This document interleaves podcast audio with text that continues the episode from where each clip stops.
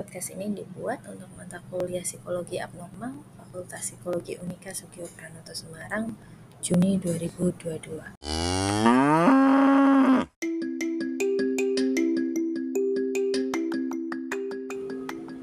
Oke, selamat datang kembali di mata kuliah Psikologi Abnormal. Di sini kita akan membahas lagi um, beberapa disorder yang uh, bisa dibilang masuk dalam uh, blok somatic symptoms and related disorder. Somatic ya, ini di gambarnya aja um, apa namanya gambarnya ini perut gitu ya. Jadi somatik itu keluhan-keluhan fisik dan biasanya itu terkait perut.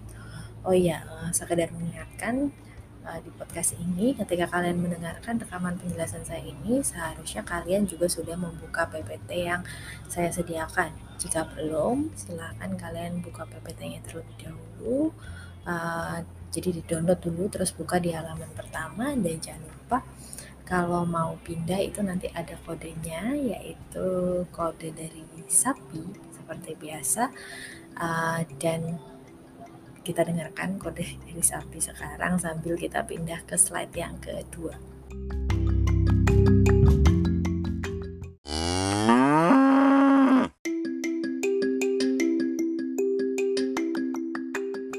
Oke, kita sampai di slide yang kedua. Uh, ini mohon maaf ya kalau misalnya saya uh, rekamannya ada agak bagian belakangnya backgroundnya agak berisik karena saya uh, rekaman di kampus dan saya baru sadar kampus kita tuh emang ramai banget ya. Oke, okay, nah di uh, slide yang kedua uh, ini adalah ada list para disorders yang masuk somatic symptom and related disorder yang uh, diakui di DSM-5. Ada empat, yaitu somatic symptom disorder sendiri yang nanti terkait dengan uh, keluhan fisik, gitu ya. Yang kedua adalah illness anxiety disorder gitu ya. Kalau illness anxiety ini uh, nanti berarti kekhawatiran akan seseorang itu uh, sakit atau tidak. Lalu lalu ada conversion disorder dan ada factitious disorder. Nanti apa sih keempat disorder ini akan saya bahas satu persatu uh, di bagian berikutnya.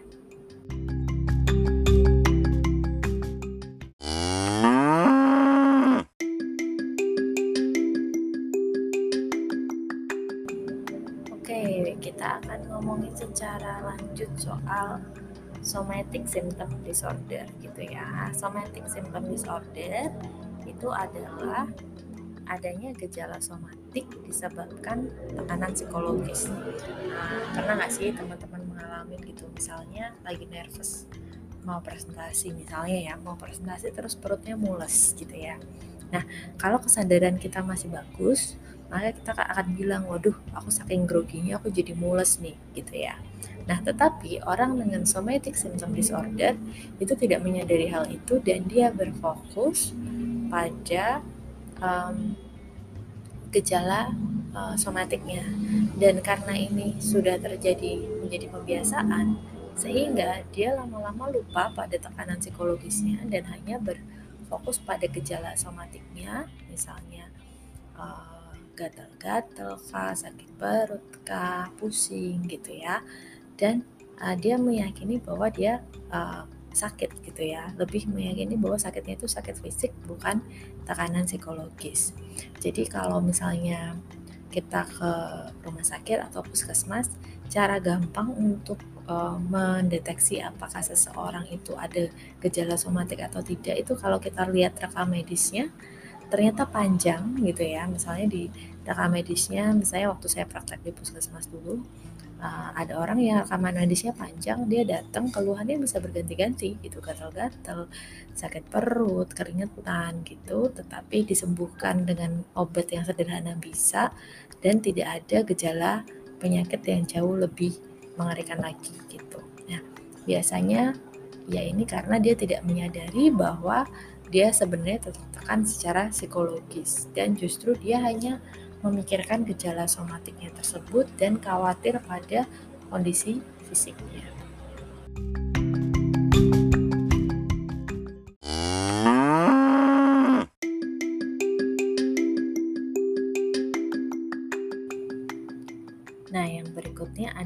Illness anxiety disorder. Uh, illness anxiety ini levelnya sudah agak lebih tinggi gitu ya dari somatic uh, symptom disorder di mana seseorang tuh punya ketakutan berlebih kalau dirinya itu mempunyai penyakit tertentu kayak misalnya dia ngerasa jangan-jangan saya kanker nih, jangan-jangan saya uh, punya um, penyakit langka gitu. Nah, dia sering cek ke dokter atau ke rumah sakit terkait kondisi kesehatan gitu. Jadi misalnya dia merasa tidak nyaman sedikit dengan tubuhnya, dia akan langsung cek ke dokter untuk mengetahui apakah dia itu punya uh, penyakit yang berat gitu.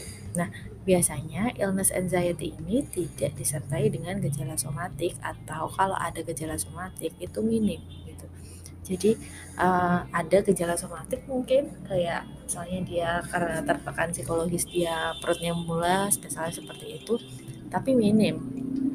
Kalau di somatik simptom ini uh, kalau yang di somatik tadi itu uh, gejala somatiknya sangat sangat dominan gitu loh. Tetapi uh, kepercayaannya bahwa dia sakit mungkin sedikit. Nah kalau di illness anxiety itu uh, kepercayaan dia mengidap suatu penyakit itu tinggi sekali gitu. Aku mungkin sakit ini aku mungkin sakit itu gitu. Dan mungkin udah dijelasin dokter kalau dia baik-baik saja mungkin hasil labnya sudah bagus dia tetap tidak percaya dan dia tetap meyakini bahwa dia mempunyai suatu penyakit tertentu.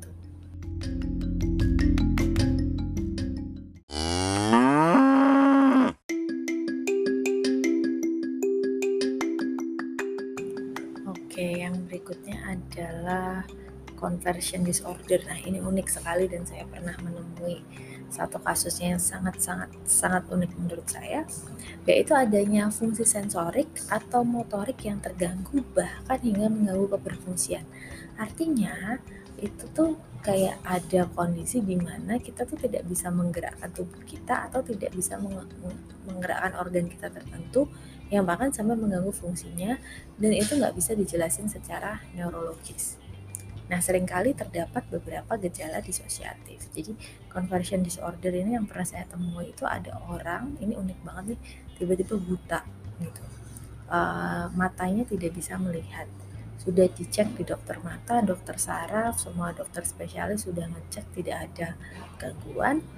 Uh, kemudian waktu itu atasan saya sih yang yang punya kasus ini ya di, dirujuk ke psikolog dan diketahui kalau uh, memang ada beberapa permasalahan psikologis di balik kenapa dia sampai tidak bisa uh, apa namanya menggunakan matanya gitu ya sampai buta. Itu benar-benar dia buta dia benar-benar tidak bisa melihat. Jadi uh, saking adanya suatu tekanan atau harapan keinginan atau apa pun itu dalam alam bawah sadar uh, sehingga uh, fungsi sensoriknya bisa hilang atau fungsi motoriknya bisa hilang. Nah, sering kali terdapat beberapa gejala disosiatif. Kita emang belum sampai ya ke gangguan disosiatif, tapi disosiatif itu kan uh, individu tuh jadi nggak bisa uh, menguasai kondisinya sendiri atau menguasai tubuhnya sendiri. Nah, ini terjadi di conversion disorder. Jadi mungkin ada orang yang tiba-tiba lumpuh gitu ya, tetapi lumpuhnya itu nggak ketahuan kenapa gitu. Maksudnya udah dicek uh, di dokter kok kayaknya baik-baik saja. Nah, kalau ini lumpuh secara psikologis berarti diagnosis conversion disorder lah yang akan diberikan. Ya. Ini termasuk kasus langka tapi sangat unik sekali. Kamu bayangin bisa uh, apa ya kayak uh, hebat banget itu loh kekuatan pikiran bisa membuat kita lumpuh gitu ya kalau kita mau tapi ya janganlah ya jangan coba-coba oke kita lanjut ke yang berikutnya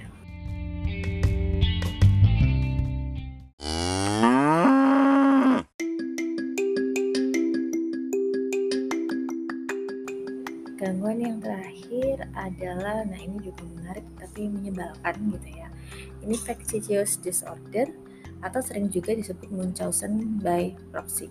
Nah, uh, ini adalah kondisi di mana kalau yang beberapa uh, disorder lain yang saya sebutkan itu secara fisik memang kerasa sakit. Kalau ini in, ini nggak nggak sakit, tapi dia memunculkan kecenderungan manipulatif yang mengatakan bahwa dirinya sakit. Jadi orang yang hmm, bisa dibilang malingering gitu ya, maaf malingering itu berbohong mengenai suatu kondisi uh, sakit gitu. Jadi dia pura-pura sakit. Dan dia berhasil menunjukkan kalau dia sakit atau uh, mengalami suatu penyakit yang parah gitu ya. Nah uh, kondisi ini bisa jadi terjadi karena orang itu uh, punya tekanan psikologis atau sebagai defense uh, ketika dia mengalami apa ya menghadapi uh, berbagai tantangan di kehidupannya gitu ya. Jadi dia bersifat defensif dengan berpura-pura sakit. Nah, yang menarik adalah bisa juga Jesus ini tuh tidak pada diri sendiri pada, pada orang lain. Maksudnya gimana gitu? Kalau yang pada diri sendiri kan misalnya saya nih, saya mengalami Munchausen by proxy ini, maka saya uh, nggak sakit tapi saya bilang saya berakting di depan kalian semua bahwa saya ini sakit gitu ya. Saya tuh nggak bisa ngapa-ngapain saya tuh gini gini gini gitu. Nah kalau uh, itu versi yang untuk diri sendiri ya. Nah kalau versinya impose on another itu uh, kita itu misalnya saya saya punya adik terus saya akan mengatakan ke semua orang bahwa adik saya sakit atau kalau perlu saya periksakan adik saya gitu. Uh, kemudian entah gimana hasilnya saya tetap bilang ke orang-orang bahwa dia punya penyakit gitu. Jadi uh, ini juga kadang terjadi dari ayah ke ibu gitu ya atau ke pasangan gitu. Di mana kita melabel bahwa orang lain sakit dan kita menceritakan ke orang-orang bahwa uh, keluarga kita itu sakit padahal enggak. Nah kalau ini terjadi, kalau misalnya tadi saya menunjukkan bahwa adik saya sakit padahal dia tidak sakit, maka diagnosis akan diberikan ke pelaku atau ke saya, bukan ke adik saya. Gitu. Jadi di infectious disorder ini yang kena diagnosisnya adalah yang berbohong atau mereka-reka adanya sakit.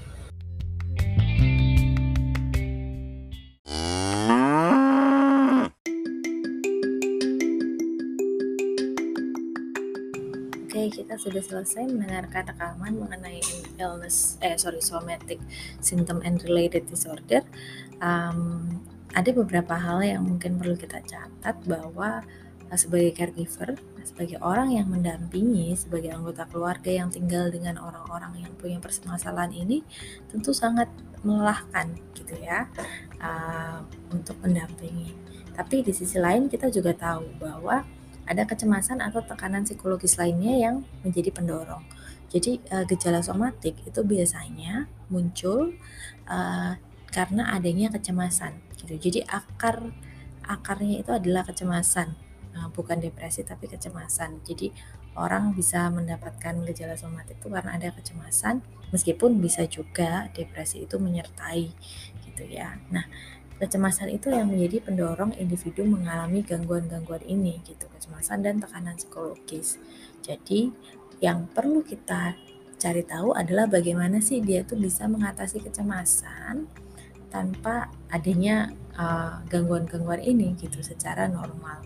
Nah, hal yang paling perlu dilakukan adalah tidak menyangkal gitu ya misalnya nih habis kalian dapat materi ini terus kalian tahu waduh kayaknya ini teman saya ini illness anxiety nih gitu. Nah menyangkal kondisi individu justru akan memperparah. Jadi kalau kamu terus datangin terus kamu bilang eh kamu tuh nggak sakit kamu tuh cuman karena illness anxiety disorder misalnya ya kamu bilang ke temenmu maka ini justru akan memperparah kondisi.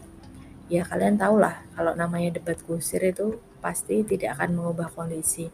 Orang yang sudah punya keyakinan kalau kamu debat bukannya dia akan berubah tapi dia akan justru lebih uh, menguatkan keyakinannya ini dan jadi nggak percaya sama kamu gitu. Jadi uh, ketika kita tahu bahwa ada orang-orang yang kayaknya dia ada somatic symptom kayaknya ada conversion disorder atau apa uh, jangan menggurui jangan langsung uh, mengkonfrontasi dan mengatakan kamu tuh nggak sakit. Tetapi kita harus mendampingi, uh, memahami, memberikan empati sampai nanti pada waktunya uh, dia akan bisa meregulasi emosinya sendiri atau mengungkapkannya dengan baik. Tapi tentunya memang kalau sudah uh, terdiagnosis seperti ini memang butuh bantuan profesional seperti psikolog. Oke, segitu saja materi dari saya. Terima kasih sudah mendengarkan sampai akhir. Jangan lupa kembali ke Cyber untuk melihat aktivitas berikutnya. Terima kasih.